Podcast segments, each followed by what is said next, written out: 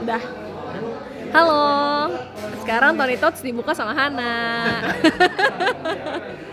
hai hai semuanya. Nah, kemarin kapan kita Tony udah pernah ngobrolin tentang karir, oh tentang apa pun. Cuman Iya. sekarang banyak juga nih yang nanyain kayak gimana sih hidup di startup atau enggak gimana sih kak caranya kerja di startup Mumpung sekarang yang menjelaskan emang dari Gojek langsung, yang katanya sekarang udah udah bukan jadi unicorn, sekarang udah decacorn. unicorn sama dekakorn apa sih apakah hewan atau apa Eh, itu sih yang selalu gue tanyain, tapi yang pasti adalah super app, yang pasti adalah eh, sorotan paling utama karya anak negeri. Oh siap. Jadi background dulu kali ya. Sebelumnya gue sebelum kerja di Gojek, gue juga pernah kerja di Shopee gitu, which is juga e-commerce, startup juga.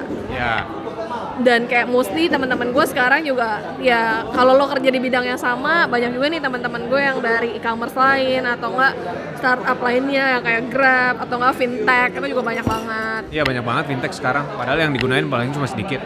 Hmm. Jadi eh, sebenarnya startup definisinya apa sih gitu? Startup itu kalau dulu definisinya adalah perusahaan baru atau new company yang bergerak di bidang teknologi di mana semuanya masih serba nggak jelas dan karyawannya less than 100 biasanya. Gue bahkan tahu kalau dulu startup itu adalah perusahaan yang baru mau bangkit dan eh, baru berjalan kurang dari lima tahun. Nah, cuman sekarang kayak makna itu udah agak bergeser dan jujur kayak kabur banget. Soalnya kayak Shopee, Gojek, dan kayak Tokopedia teman-temannya itu karyawannya udah jauh lebih banyak dari 100 udah kayak ribu ribuan. Iya. Dan investmentnya pun sebenarnya kalau dibandingin dengan company gitu, investmentnya gede-gede, justru jauh lebih gede dan mencapai kayak jutaan dolar. Iya. Tapi kebanyakan bukan dari dalam negeri Startup ya. investmentnya. Bener gak? Karena sebagai salah satu investor yang ah, yang yang sekarang baru aktif di negeri, ah siap, ak- baru aktif. Gue tuh nggak pernah lihat atau mungkin gue nggak tahu eh, emiten-emiten saham yang terbuka untuk umum, tapi mereka adalah tech companies. Sedikit banget. Jadi sebenarnya em, banyak hal yang tentang startup mungkin kayak kalian udah sering dengar juga istilah-istilahnya kayak yang tadi aku bilang juga unicorn atau dekakorn gitu. Kayak sebenarnya apa sih dan apa yang startup lakukan? Apakah lo bikin website terus bisa langsung disebut startup atau enggak? Itu yang Bisa. kita bahas. Dan dan gimana? Gue yang jawab. Banyak yang tanya gimana sih caranya kerja di startup gitu. Gimana caranya kerja di startup? Apalah apa kita harus apply? Apa kita harus mulai dari magang? Anak magang yang nggak dibayar sama sekali sama jutaan dolar, million dollar bisnis, Jadi kacung kampret.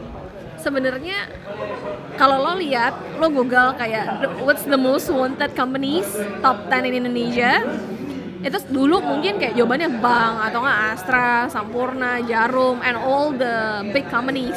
Cuman sekarang udah bergeser banget kayak Shopee udah masuk top 10, Tokopedia atau enggak Google, YouTube gitu. Iya.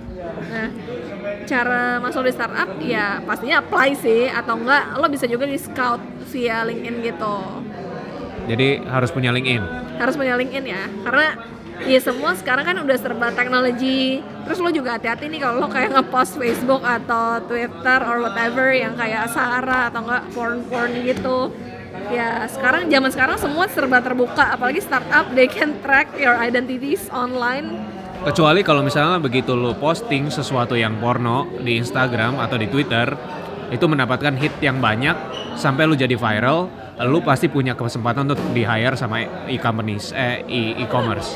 Ya sebenarnya itu kalau lo jadi brand ambassador ya beda ya karena again mereka kan juga punya investor pastinya harus ngejaga kayak nilai mereka di mata investor itu makanya kalau lo aneh-aneh ya mereka juga risky juga untuk nge-hire lo atau jadi Karena Atta Halilintar Reza Reza apa? Yang gamer gamer gamer ganteng dan idaman itu asyik. Atta Halilintar aja dijadiin Shopee. Pernah masuk ke Shopee, pernah masuk ke mana, pernah masuk ke mana.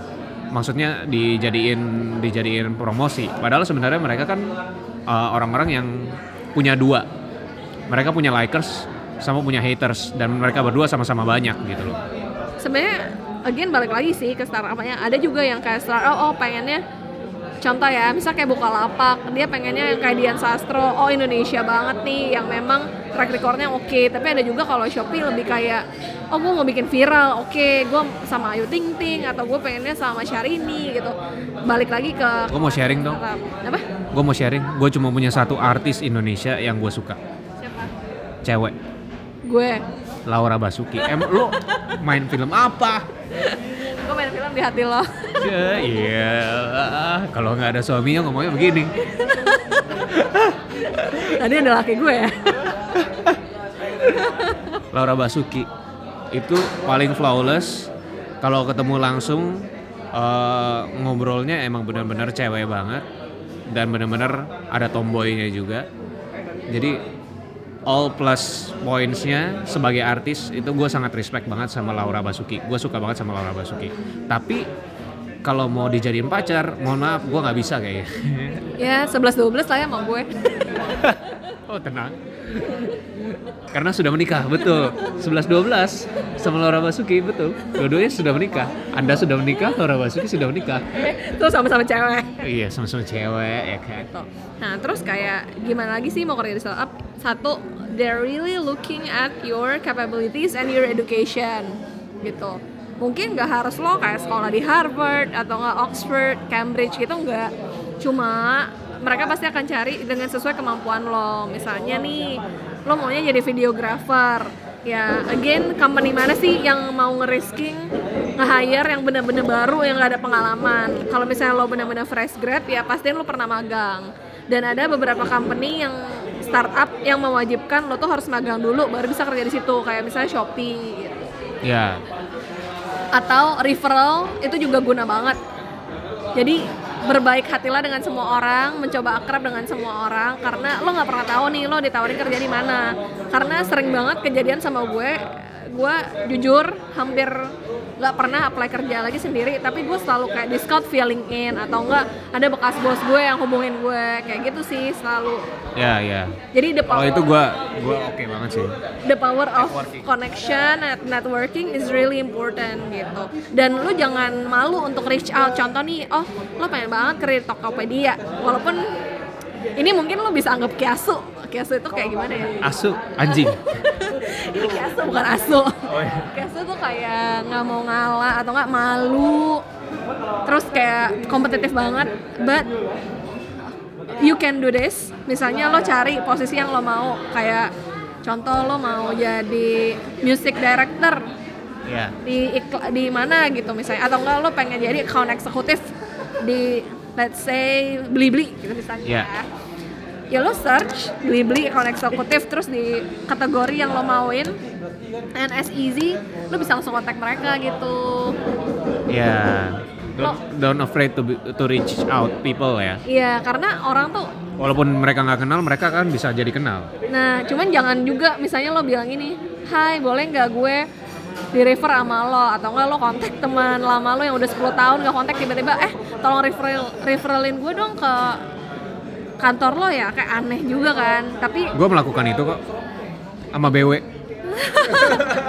jujur sih menurut gue kayak gitu agak aneh ya karena Tapi gue nggak dibalas juga, jadi nggak apa-apa. karena gue sering Kalau gue dibalas nggak apa-apa deh. Gue tahu gue tahu nggak tahu diri. nah makanya Karena gue nggak dibalas, gue berarti tahu diri aja. makanya kayak gue tuh sering banget karena gue kerja di kayak startup gitu tiba-tiba kayak orang yang gak deket sama gue not even pernah ngobrol sama gue tiba-tiba chat sosok ngomongnya kayak bahasa Inggris gitu Hi, how are you? Nah, gue udah langsung tahu nih, either dia mau nawarin gue asuransi atau ngajak gue MLM atau referral mau minta referral ke tempat kerja. Cuman kayak ya lu coba sopan. Soalnya menurut gue agak aneh kalau misalnya lo minta referral ke orang yang lo nggak kenal dekat gitu. Tapi lo bisa reach out mereka untuk tanya, halo boleh tahu nggak? Misalnya minta kontak HR-nya atau enggak lo tanya juga waktu lo masuk ke posisi itu apa aja sih interviewnya gitu. Ya, ya, ya. Kalau mereka punya waktu, mereka akan balas. Kalau mereka nggak punya waktu, mereka nggak akan balas.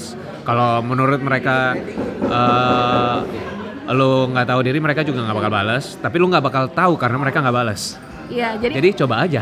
jadi coba aja nating tulus, cuman pastiin juga lo tetap sopan dan tahu diri juga ya. Jangan tiba-tiba kayak kontak reach out, eh eh ini dong masukin gue ke kantor lo. Ya lo aja nggak tahu kan kerjanya dia bagus atau enggak. Yang paling gampang adalah kasih tahu mereka, "Eh, tolong liatin, coba deh cek LinkedIn gue, apakah gue udah cocok menjadi bawahan lo atau tidak. Jadi jadi bawahannya, jadi babu gitu. iyalah, iyalah. Semua orang butuh babu. Terus banyak juga nih yang kayak selalu banding-bandingin kayak aduh startup lu enak ya pulangnya pulang cepet nih atau enggak kerjanya fleksibel kapan aja di mana aja bener nggak ton lo mikir gitu nggak tentang gue ton Sama kayak orang-orang berpikir tentang freelance. Ton lu enak banget jadi freelance. Lu bisa pulang kapan aja, lu bisa atur waktu sendiri, lu bisa kayak hari ini gue diem-diem aja nggak ngapa-ngapain gitu. Gue tahu orang-orang e-commerce kenapa mereka sering pulang cepat, abis itu mereka nongkrongnya lama. Karena mereka sebenarnya sudah tahu mereka punya tekanan seberapa banyak. Abis itu mereka sudah tahu kalau besok bakal digeber, makanya sekarang dia happy-happy dulu.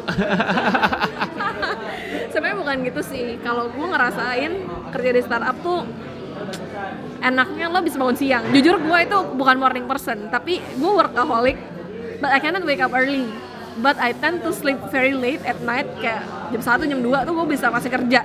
Which is gue banget nih selalu on gitu. Cuman kayak ya emang gue nggak simply nggak bisa bangun pagi deh soalnya pas kerja di bank gue kayak struggling banget nih buat datang on time. Gue selalu kayak stress-stress gitu nih sama si Tony nih. Aduh kayak working 7 a.m. to 5 p.m. atau kayak 8 to 5 maybe it's a dream for some people. But for me means I need to wake up at 6 or 5 gue bener-bener nggak bisa gitu jadi jadi time flexibility itu sebenarnya oke banget cuma lo juga mesti tahu di mana lo kerja di tempat yang fleksibel kalau di startup lo tuh mesti bisa on kapan aja di mana saja Ya. kadang gue kangen juga sih kayak kerja di korporat ketika lo cuti itu nggak ada yang berani ganggu lo klien lo Betul. udah pasti ditangani sama teman-teman lo yang lain cuma Iya. kalau di startup Gue sekarang kerja setengahnya ada di pabrik. Jadi gue tahu rasanya jam 9 tank jam 5 sore tuh cabut bener-bener udah kosong, udah mati lampu semuanya dan nggak ada lagi orang yang ada di pabrik. Itu sangat menyenangkan sekali untuk gua yang selama hidup gua bekerja itu nggak pernah namanya matiin lampu matiin lampu satu kantor. Waktu pun waktu gua kerja di kampus pun sebenarnya time flexibility gua tinggi. Makanya gue bisa pulang malam jam 12 malam jam 1 pagi gitu. Nah, gue sih hampir berut, maksudnya gue cukup beruntung, udah hampir ngerasain kerja kayak di banking kan kayak very very on time. Ya udah lo jam 8 sampai jam 5 gitu selesai. Bahkan karena gue berkaitan sama pasar uang gitu ya. Kayak bisa jam 4 tuh market udah tutup, which is after that pasti gue udah kayak nyantai aja gitu. Iya, bahkan di atas jam 5 ki- di chat sama klien pun kita cuma read doang nggak masalah karena mereka udah tahu kalau itu out of our work time. Nah, terus gue pernah kerja juga di consulting yang ya melatih gue sih, tapi Melatih untuk tidur pagi ya. untuk Melatih untuk bisa tipes. sakit tipes gue udah tiga kali abis gitu dan mental juga karena Itu salah satu yang gua nggak mengerti sih. Setelah gua ngobrol sama Andi juga gua tetap nggak mengerti kenapa orang-orang mau tipes segitu banyaknya. Padahal gua gua gua kerja dari dulu punya time flexibility ataupun kerja 9 to 5 gua nggak pernah mengalami tipes. kar- karena ketika lo mencobai hidup lo maksudnya mencobai badan lo juga lo kan tahu kayak seberapa how far sih you can go gitu karena consulting atau enggak advisory itu rentan banget buat sakit kenapa contoh misalnya gue ada project dan project itu timeline tiga bulan misalnya Ya. Nah itu si klien gue, misalnya lebih dari tiga bulan gue submitnya, dia pasti kayak akan memotong fee yang diberikan kepada gue, gitu, kepada company gue. That's why company kita pasti nggak mau dipotong dong fee-nya. Ya. Jadi benar-benar harus on time. Dan kadang, Kalau kalau emang poinnya adalah on time, berarti kerjaannya nggak perlu bener, yang penting on time. nah kadang juga kita kan kalau consulting itu dibayar per jam. Iya. Klien pasti pengennya juga jamnya jamnya dibikin seminimal mungkin. Padahal tuh kadang ya kerjaan tuh nggak cukup. Sejam misalnya dibikin 100 jam gitu nggak cukup cuma 100 jam. That's why kita end, ends up banyak banget begadangnya. Pernah gue ya gue pulang jam 7 pagi gue baru pulang. Abis itu kayak sopir taksinya tuh nanya mbak mbak mau ke mana mbak? Mau ngantor di mana? Terus gue bilang mas saya baru mau pulang. Ah. Dia kaget dikira gue jablay kali. Oh tenang. Enggak lah. Atau enggak tetangga gue mungkin mikir juga nih kenapa gue pulang jam 3 Jabla itu pulangnya di atas jam 12 oh oke. Karena biasanya hotelnya dipakai semaksimal mungkin. Oh, pengalaman ya? Enggak. Pribadi. Enggak. Itu menurut gua aja. Jadi kayak tetangga-tetangga gue mungkin juga bertanya-tanya nih kok gue pulang jam 2 jam 3 jam 6 pagi setiap hari Sabtu Minggu. Kerja apa nih anak gitu. Betul betul betul. Nah cuma kalau misalnya startup sih enak banget secara jam. Cuma kadang lo harus siap. Lo lagi liburan cutai atau enggak ya setiap hari aja malam-malam lo harus siap nih. Kayak dicariin terus sama merchant lo dicariin sama bos lo kalau misalnya dulu jam 5 udah pulang sekarang jam 5 baru mulai meeting. Iya betul juga. Karena bekerjanya sama seumuran kadang-kadang banyak yang ya leng leng kerjanya jadinya nggak jelas. Ya bener banget. Udah karena sekarang tipe kerjanya tuh menurut gua beda. Tipe kerjanya karena sekarang tempat kerjanya enak jadinya waktu luangnya tuh lebih banyak dipakai. Sebenarnya waktu luang itu harusnya bisa di jam 12 kita jadi percepat ke jam 10 berdasarkan apa berdasarkan karena kita punya kebebasan jadi kerja di e-commerce menurut gua tuh plusnya adalah punya kebebasan banyak Jadi sebenarnya di startup enaknya ya lo bisa set waktu lo, cuman lo bener-bener harus motivate yourself. Whether lo mau malas atau lo mau rajin ya suka-suka lo sih. Jadi karena freedomnya banyak, ada juga banyak juga freedomnya untuk orang-orang di atas lu untuk menilai lu. Jadinya kalau lu nggak perform menurut mereka, lu bisa dijelekin kapan aja. Ya, lo bisa dijelekin kapan aja dan lo bisa di-cut kapan aja. Permasalahannya adalah penilaiannya juga tidak jelas karena menurut mereka. Kalau yang gue nggak tahu, gue nggak pernah ada di dalam e-commerce, tapi yang sepenglihatan gue, yang terjadi dari cerita-cerita teman gue, gue punya kesan kalau misalnya yang terjadi di eh, pekerjaan-pekerjaan e-commerce, penilaian itu nggak jelas. Penilaian karyawan ya, apalagi karyawan-karyawan yang baru. Sebenarnya tergantung lo bagian apa. Kalau misalnya dulu gue maksudnya gue kan lebih berhubungan sama brand merchant, corporate relation lah gue ibaratnya. Ya. Nah itu sih penilaiannya lumayan fair. Jadi kayak dari berapa banyak produk yang bisa gue jual. Karena gue bisnis development gitu. Terus berapa banyak revenue yang bisa gue hasilkan atau enggak dari penilaian merchant-merchant gue, klien-klien gue terhadap gue. Kayak ibaratnya ada KPI, IPK-nya gitulah. Ya. Tapi ya karena movingnya terlalu cepat, menurut gue jadinya banyak yang relatif di situ yang terjadi. Nah sekarang kayak millennials juga entah karena orangnya sendiri pindah-pindah terus atau bisa juga karena di hijack contoh nih kayak gue kemarin pas di Ya, Shopee itu yang gak sehat yang gue bicarain pasti, juga sih. pasti gue itu. ditawarin juga nih banyak banget nih Nggak sehat. Tokope- Tokopedia, Bukalapak tuh banyak banget yang kontak-kontak gue gitu. Dan mereka bisa ngambil satu tim, bener-bener brek satu tim. Ya tapi itu di mana aja ada sih karena di banking juga kayak gitu. Biasa kalau bosnya pindah anaknya dibawa semua gitu. Ya. Kalau gue kan membawa student-student menjadi staff. Maksudnya biar dikelilingi cewek-cewek muda ya pak. Eh, ya, iyalah kita kan perlu fresh talents. Terus Alasannya begitu. lika-liku kerjanya di startup banyak juga selain jam kerjanya banyak juga yang mikir kayak wah enak banget nih lo pasti kayak gajinya gede ya bla bla bla tapi lo jangan lupa kalau misalnya kayak rewardsnya gede pasti tanggung jawabnya juga gede bener nggak toh Betul. Semakin kenapa gua rate-nya nggak tinggi-tinggi amat kalau nanya gua video harganya berapa? Karena supaya gua nggak terlalu banyak punya ekspektasi. Klien gua nggak berekspektasi tinggi. Tony mah gue suruh fotoin gue aja ini dia nggak mau foto private video wedding nggak mau dia Gua nggak pernah ngerjain prewed karena gua takut lo pengennya selalu kelihatan bagus. Tapi gua bikinnya tuh maksudnya berkembang, maksudnya jadi dari pertama kelihatannya nggak bagus lama-lama jadi bagus gitu. Tapi dapat gongnya gitu. Kadang orang tuh prewed itu semuanya kelihatan bagus tapi nggak ada yang masuk akal. Video prewed, lo inget nggak video prewed lo? nggak Lo ada video prewed? Ada sih kayaknya tapi cuma di Instagram jujur gue udah nikah hampir satu setengah tahun tapi foto sama videonya belum gue pilih Bener kan? Maksud gua itu, maksud gua, maksud gua itu karena lo punya video prewed. Biasanya nih video prewed tuh pasti semua klien mau dibilang kita mau dibikin jadi cerita. Iya nggak? ya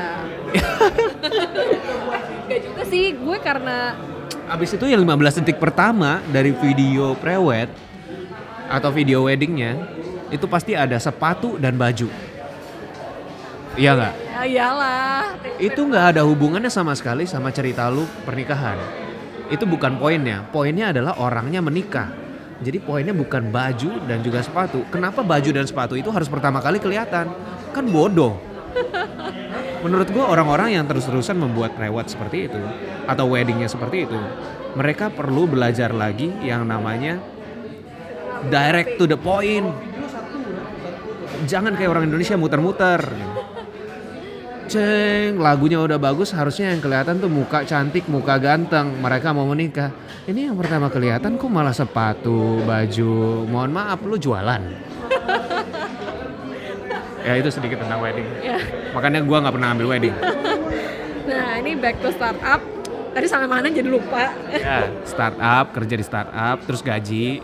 Oh ya gaji. Nah gaji itu again pasti sebenarnya gue ngerasain sih gaji di startup kalau misalnya lo pengalaman banget pasti kayak they're Appreciate banget ya. Eh appreciate banget. Cuman kalau misalnya lo benar-benar fresh grad gitu ya mungkin agak susah karena gajinya ya dekat-dekat sama UMR juga gitu. Ya. Dan that's why menurut gue salah satu cara untuk naikin harga jual lo adalah dengan lo melakukan magang atau lo ada pendidikan khusus atau mungkin S2 juga gitu.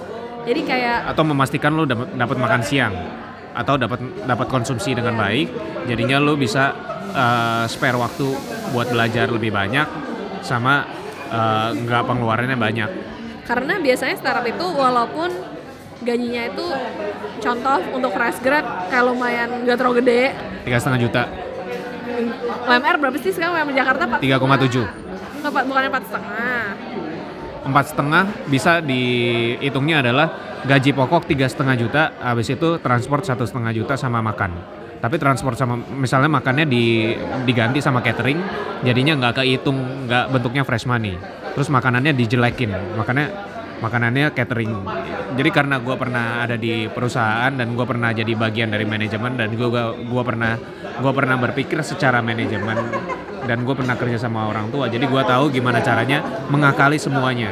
Kayak misalnya nggak perlu nggak perlu eh, yang kelihatan tiga setengah juta, tapi satu setengah jutanya bisa diambil sebagai uang pengembangan diri yang diberikan misalnya eh, setelah tiga tahun kerja atau setelah dua tahun kerja secara kompensa secara secara kompulsif jadi dihitung dulu semuanya macam-macam ada berbagai macam jenis untuk bisa mengakali gaji karyawan Nah, terus gaji itu kan juga banyak nih kayak yang tadi Tony bilang komponennya. Lo juga mesti tahu. Misalnya lo dibilang, "Oh, gaji lo contoh 5 juta." Eh, ternyata potongannya bla bla bla, BPJS bayar sendiri. BPJS aja ada dua kan, kesehatan sama pensiun.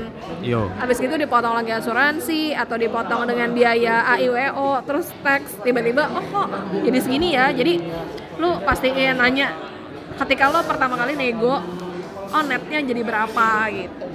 biasa biasakan baca kontrak Yes, baca kontrak yang sedetail mungkin. Jangan sampai lo kayak terikat kontrak yang pastikan lo mendapatkan kopi kontrak itu dibawa di dengan eh, materai dan jangan sampai kayak menurut gue sih jangan sampai lo ke company yang nahan jasa atau enggak denda ketika lo cabut gitu. ya sekarang udah nggak zaman men Karena nggak ada yang menjamin lo tuh akan betah atau enggak di perusahaan itu gitu. Ya, kecuali kalau itu perusahaan-perusahaan gede yang kayak udah pasti mereka punya banyak bawahan, bawahan banyak jenjang. Maksudnya banyak eh, sister company-nya banyak kayak Astra Group. Itu kan sister company-nya banyak. Cuman itu juga nggak menjamin sih kebahagiaan lo. Jadi sekarang sebelum lo apply Gak ada yang menjamin kebahagiaan kita. Kerja itu bukan sesuatu yang membahagiakan. tapi tergantung kalau misalnya lo bener-bener passionate sama kerjaan lo. Nggak ada passion itu. Gua nggak, gua, gua tuh nggak percaya sama passion karena apa? Karena passion itu tidak muncul waktu pertama kali kerja. Jadi munculnya makin lama makin tumbuh gitu ya. Passion itu muncul kalau misalnya lu sudah terpaksa harus bekerja. Nah, Kalau lu nggak terpaksa, lu nggak perlu kerja aja udah punya duit. Lu nggak bakal punya passion. Bi- bisa jadi sih. Tapi ada juga teman gue yang udah banyak duit banget tetap passionate sih sama kerjaannya sih. Termasuk bos gue dulu sih. Tergantung nih passionate-nya dalam hal apa nih. Dalam hal pekerjaan ada juga. Dia pasti terpaksa kerja karena sesuatu. Nerusin usaha bokap nerusin apa. Supaya dia nggak nerusin usaha bokap. Jadi dia cari kerjaan lain yang bisa me- yang bisa menjadi alasan supaya dia nggak nerusin usaha bokap jadinya dia bisa terus terus terus terus terus terus. Jadinya punya passion. Karena dia terus terusan bekerja supaya dia menghindari itu. Karena ada juga alasan lain. Ka- karena dia tidak tidak sukses menggunakan duitnya se untuk happinessnya dia makanya dia cari happiness lain which is kerja. Kalau ngumpul sama teman-teman dia mungkin orangnya bukan seorang yang ekstrovert dia seorang yang introvert jadi dia kerja. Terus kerjaannya misalnya tentang IT UX apa segala macam terus dia suka terus jadi passion jadi Kalau kayak gitu? Jadi alasannya pasti harus terpaksa dulu.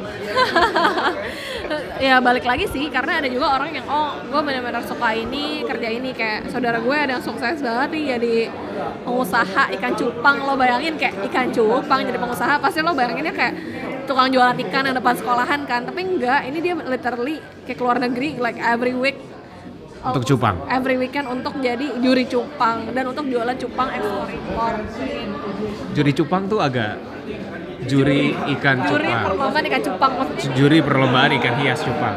Jadi cupang ini bukan cupang diadu gitu ya atau bukan? Bukan cupang. Bukan cupang-cupang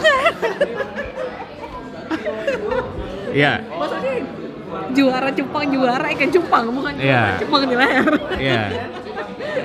Oke itu cupang lanjut. Eh ini anak zaman sekarang masih tahu cupang nggak sih? Tahu tahu tahu tahu. Necking necking lah Inggrisnya. Nah apa? itu semua necking in English it's it's called necking nah terus kayak saudara gue ini emang dia emang sesuka itu sama ikan cupang. Bukan maksudnya dia kainan dia tetap suka cewek tapi Iya. wow. Sebuah statement. Ya nggak apa-apa. Kita mengerti kok. Nah, emang dia ber- kalau dia emang berawal dari passion. Bahkan dulu kayak kita selalu ngeliat ih ini anak selalu tidur di kelas kayak mager-mager. Tapi look at him now berawal dari passion ya dia sekarang sukses. Yang terbesar di Indo gitu. Kalau itu berawal dari iseng? Ya. Habis itu terpaksa dijalani terus? Dari iseng mungkin ya. Jadi nggak cuma terpaksa doang gitu. Dan ada juga kayak teman gue yang lain dia emang dulu kayak mager banget males terus kayak dulu milih accounting jadi sebagai majornya dia gitu which is terpaksa eh ternyata sekarang oh my god dia malah bikin kayak kantor akuntan publik lo bayangin bagus bagus Nah, jadi kayak semua tuh gak ada yang tahu kalau nggak lu lakuin. Gue juga nggak tahu karena gue latar belakangnya finance. Eh ternyata gue gue kerjanya gue suka jadi kayak ngurusin brand. Gue suka jadi relationship manager or partnership managers gitu. Di mana gue lias sama banyak banget orang. Padahal gue latar belakang gue it's very strong in finance. Tapi gue tuh suka ketika orang tuh buying my idea, when they buy my products, when they buy my service gitu. ya Gue ngerasa puas gitu ya. gue sampai sekarang belum mendapatkan passion gue Ya passion lo ngibulin cewek wow wow podcast gue fix podcast gue abis ini nggak ada sesuatu yang bener semua podcast gue lebih baik jangan didengarkan karena semuanya isinya menjelekan gue Jadi abis ini mungkin kita bi- bisa bahas sisi seksualnya Tony Tots. Ini Tony Tots apa Hana Tot mau Tony? tapi gue emang ada ada rencana untuk membahas tentang eh, tentang seks Curhat lo tentang seks atau seks yang paling enak nih? se eksplisit mungkin pokoknya Ini sekarang jadi udah berubah dari startup ke seks apa gimana nih? karena menurut gue eh, sesuatu sesu- salah satu hal yang bisa ngekip lo dalam pernikahan adalah seks Ya nggak lo nggak menikah juga bisa aja sih. nggak bisa nggak bisa menurut gue menurut gue harus sebelum nikah jangan setelah nikah Ya ibarat lo punya mobil nih lo aja mobil lo test drive masa pasangan hidup nggak lo test drive? Tapi kalau lu adalah muslim, kalau lu adalah orang-orang yang eh, memang mah menjunjung tinggi religius, lebih baik jangan, dengerin. posken. Iya, lebih baik jangan dengerin. Karena ini adalah sesuatu yang analytical, sesuatu yang basisnya adalah data dan ini terjadi secara full di orang-orang kenapa orang-orang pada cerai menurut gua agak first reasonnya uh, physical. Jadi kalau lo Google mostly itu orang divorce. Yang pertama tuh karena sexuality nggak puas, yang kedua adalah karena uang, which yang udah kita Iya. bahas juga. Itu. Jadi pasti duit. kalau nggak punya duit ya lo mau kondo. betul modal konpip doang. Gitu. kalau cewek? Cewek ya. Nggak perlu punya modal? Soalnya kalau cewek, cewek cantik mah pasti ada aja yang mau. Tapi kalau cewek kaya, gue punya gue punya gue punya satu tips buat cewek-cewek. Kalau buat cewek yang kalau nggak kalau nggak kalau nggak kaya lebih baik belajar kegel atau pilates. Anjir. Sekarang lu mengerti. Tapi cewek- udah punya pengalaman berapa banyak ya? Cewek cantik itu pasti ada aja yang mau. Sedangkan cewek kaya tapi nggak cantik ya yang datang either yang matre atau enggak nggak ada mau. Jadi life is unfair. Sedangkan cowok jelek ada aja yang mau. Cuma apalagi kalau cowok kaya walaupun jelek tetap ada yang mau. Dunia memang tidak adil Inti, intinya sekarang secara statistik statistik cewek itu lebih banyak dibandingkan cowok? Cewek itu cuma eh cowok itu cuma sepertiga cewek di populasi di dunia ini that's why mungkin kalau lo ngantor atau nggak lo bisa banyak lihat juga kan yang nggak merit atau apa tapi kayak lo nggak usah malu kalau lo nggak merit kalau lo juga bisa senang-senang ini Iya, senang itu bukan gara-gara merit. Senang itu gara-gara ketemu sama teman-teman. Makanya gue bikin podcast ini supaya gue bisa ketemu sama teman-teman. Habis itu kita punya obrolan yang berbobot yang bisa kita jadikan sebuah memori. Alasan doang ini sih. Supaya kelihatannya bagus aja. oh bagus bagus Ya, kembali lagi tentang gaji. Mohon maaf ini terlalu jauh. balik lagi tentang gaji nah menurut kalian berapa sih gaji yang pas nah kalau menurut lo menurut lo tan berapa sih gaji yang pas buat lo Menurut gue selama gaji itu negotiable, gue eh, selama kapasitas kerjaan gue tidak terlalu makan banyak waktu. Kayak misalnya dulu gue jadi editor video, gaji gue misalnya eh, 4 juta per bulan. Tapi dalam waktu satu bulan gue ngedit mungkin cuma menghabiskan misalnya waktunya dua jam dua jam doang. Jadi sebenarnya gue banyak gaji buta. jadi lo sebenarnya lebih pengen gaji lo tuh per jam lo kerja atau enggak gaji lo udah per bulan atau gue lebih suka yang per bulan karena itu uh, ada sesuatu yang pasti di situ walaupun yang gue kerjain bukan sesuatu yang pasti. Again sebenarnya gaji itu kayak sensitif banget I know. Banyak banget yang kayak pengen. Kemarin gue sempat ngadain survei juga sih di Instagram gue. Terus kayak super beda gitu. Ada yang pengen gajinya 100 juta ada yang pengen 7 juta udah cukup 5 juta. Dan kayak kadar happiness mereka juga beda-beda. Jadi again balik lagi tergantung lo. Gaji yang cukup itu kalau menurut gue lo gaji berapa pun lo nggak pernah nggak akan pernah cukup tergantung sama hidup gue lo. pernah gue pernah cukup dengan gaji 750 ribu kok. Itu dulu. Dulu dulu. Tapi kalau sekarang mungkin rentang gaji gue adalah uh, gue sebenarnya 5 juta pun gue bisa cukup. Menurut gue sampai sekarang sampai sekarang gue bisa bilang 5 juta aja sudah udah cukup buat gue karena apa karena gue masih tinggal sama orang tua dan gue masih punya orang tua yang dua-duanya sehat. Ya thanks God kalau kayak gitu. Maksudnya berarti lo masih dan 5 juta itu eh, menurut gue 3 jutanya itu pasti masuk ke tabungan. Jadi lo hidup 2 juta sebulan? Karena masih tinggal sama orang tua. Gile sih mantep banget sih kayak gitu. Nah sekarang? Jadi kalau lu tinggal sama orang tua gaji 5 juta lu habis setiap bulan berarti lu tidak memanfaatkan orang tua lu? Atau nggak bisa juga lo terlalu banyak keinginan daripada kebutuhan gitu. Jadi lo mesti bisa bedain nih keinginan lo apa kebutuhan lo apa gitu. Iya Nah, pastilah balik tentang ngomongin startup lagi. Jadi kayak apalagi sih kayak lika-liku kerjanya di startup kadang banyak yang iri kalau kerja di startup. Atau enggak banyak juga contoh pas gue masih di e-commerce tuh pada nanya eh gue kok cashback gue nggak masuk ya? Atau enggak kiriman gue belum nyampe nih.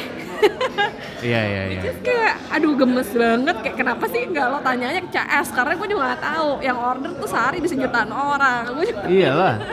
Mentang-mentang gara-gara lu kerja di Gojek pasti lu ditanyain yang hal-hal kecil kayak gitu kan. kalau gue di Gojek sih lebih sering gue ditanyain tuh tentang eh ini gue top up kok saldo GoPay gue nggak masuk ya? Atau enggak ini, ini lo tau gak sih abangnya kok beda nih fotonya sama yang di aplikasi yang di kenyataan dalam hati gue eh mana gue tahu Namanya sistem. Namanya sistem dan masih ada orang. Selama orang masih punya kebebasan, orang itu bisa curang kayak gimana cara pun. Ya, itulah. sama kayak teman gue kerja di Samsung dia kesian banget dia bener-bener sering banget ditanyain eh HP gue rusak layar gue pecah gue mesti ngapain dia sampai marah-marah di Facebook kayak tolong kalau HP lo rusak jangan kontak gue karena gue juga gak tahu. Tapi tapi ya emang itu kekuatannya brand berarti kan. ya ya emang begitu.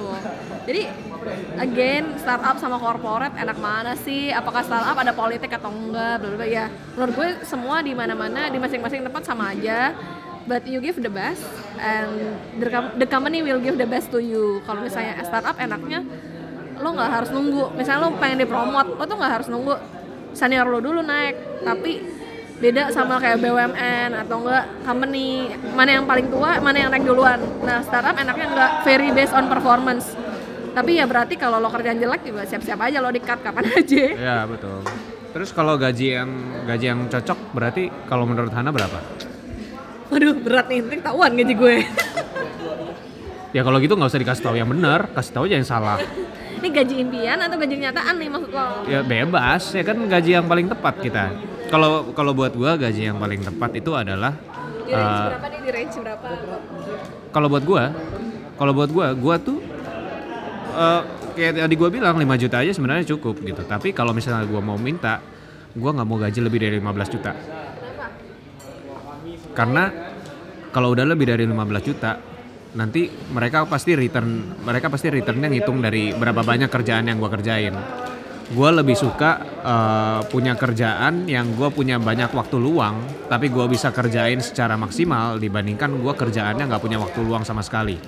Makanya gua sekarang ini freelance, tapi gua eh, satu milih-milih klien, nomor dua gua ngatur jadwal gue bahkan dalam waktu satu minggu gue ngerjain sebenarnya satu hari sebenarnya bisa selesai. Tapi gue bagi-bagi jadi tiga hari. Karena apa? Karena gue nggak mau membebani diri gue sendiri dan gue mau give the best buat klien. Supaya klien gue tetap dapat kepuasan. Dan gue nggak mau neko-neko ngasih tahu ke klien gue harus jadi dalam waktu satu hari besok gue udah jadi gue nggak mau. Gue mau kayak ngasih tahu pokoknya dalam sebulan lu pasti dapat ini ini ini ini ini terus gue bisa deliver. Itu yang paling penting. Karena menurut gue eh, value yang gue kasih lebih banyak buat klien adalah dengan cara memberikan gue banyak waktu luang. Jadinya gue bisa kasih value lebih banyak. Ya eh, fair trade lah menurut gue again kalau gue sih sebenarnya kalau gue pengeluaran gue tuh kecil tiap bulan. Cuman yang lebih yang bikin mahal tuh lebih kayak misalnya cicilan rumah atau enggak kayak gue tiba-tiba liburan gitu. Kayak tadi Tony misalnya nabung terus tiba-tiba dipakai buat liburan. Itu sih. Jadi emang lo benar-benar harus bisa bedain kebutuhan sama keinginan lo. Iya. Jadi, tapi karena rentang karena rentang tabungan gue banyak, jadi lo cek aja ngabisin duit ya. cuek aja gitu. Jadi begitu gue keluarin, gue cuek aja. Karena rentang tabungan gue misalnya 70% dari gaji. Ya, ya udah gue cuek aja gue keluarin. terus kalau Tapi nggak semuanya gue keluarin, pasti gue spare. Dan gue paling benci adalah ketika gue punya sel- jadi selama gue nabung, gue pasti akan nentuin minimal duit gue harus berapa. Kalau udah di bawah itu walaupun satu juta, gue jadinya bisa irit kayak seirit-iritnya mungkin gitu. Emang dari dulu lu kayak gitu gak sih orangnya sakit gue ya? Irit, Iya, irit. Lumayan irit gak sih?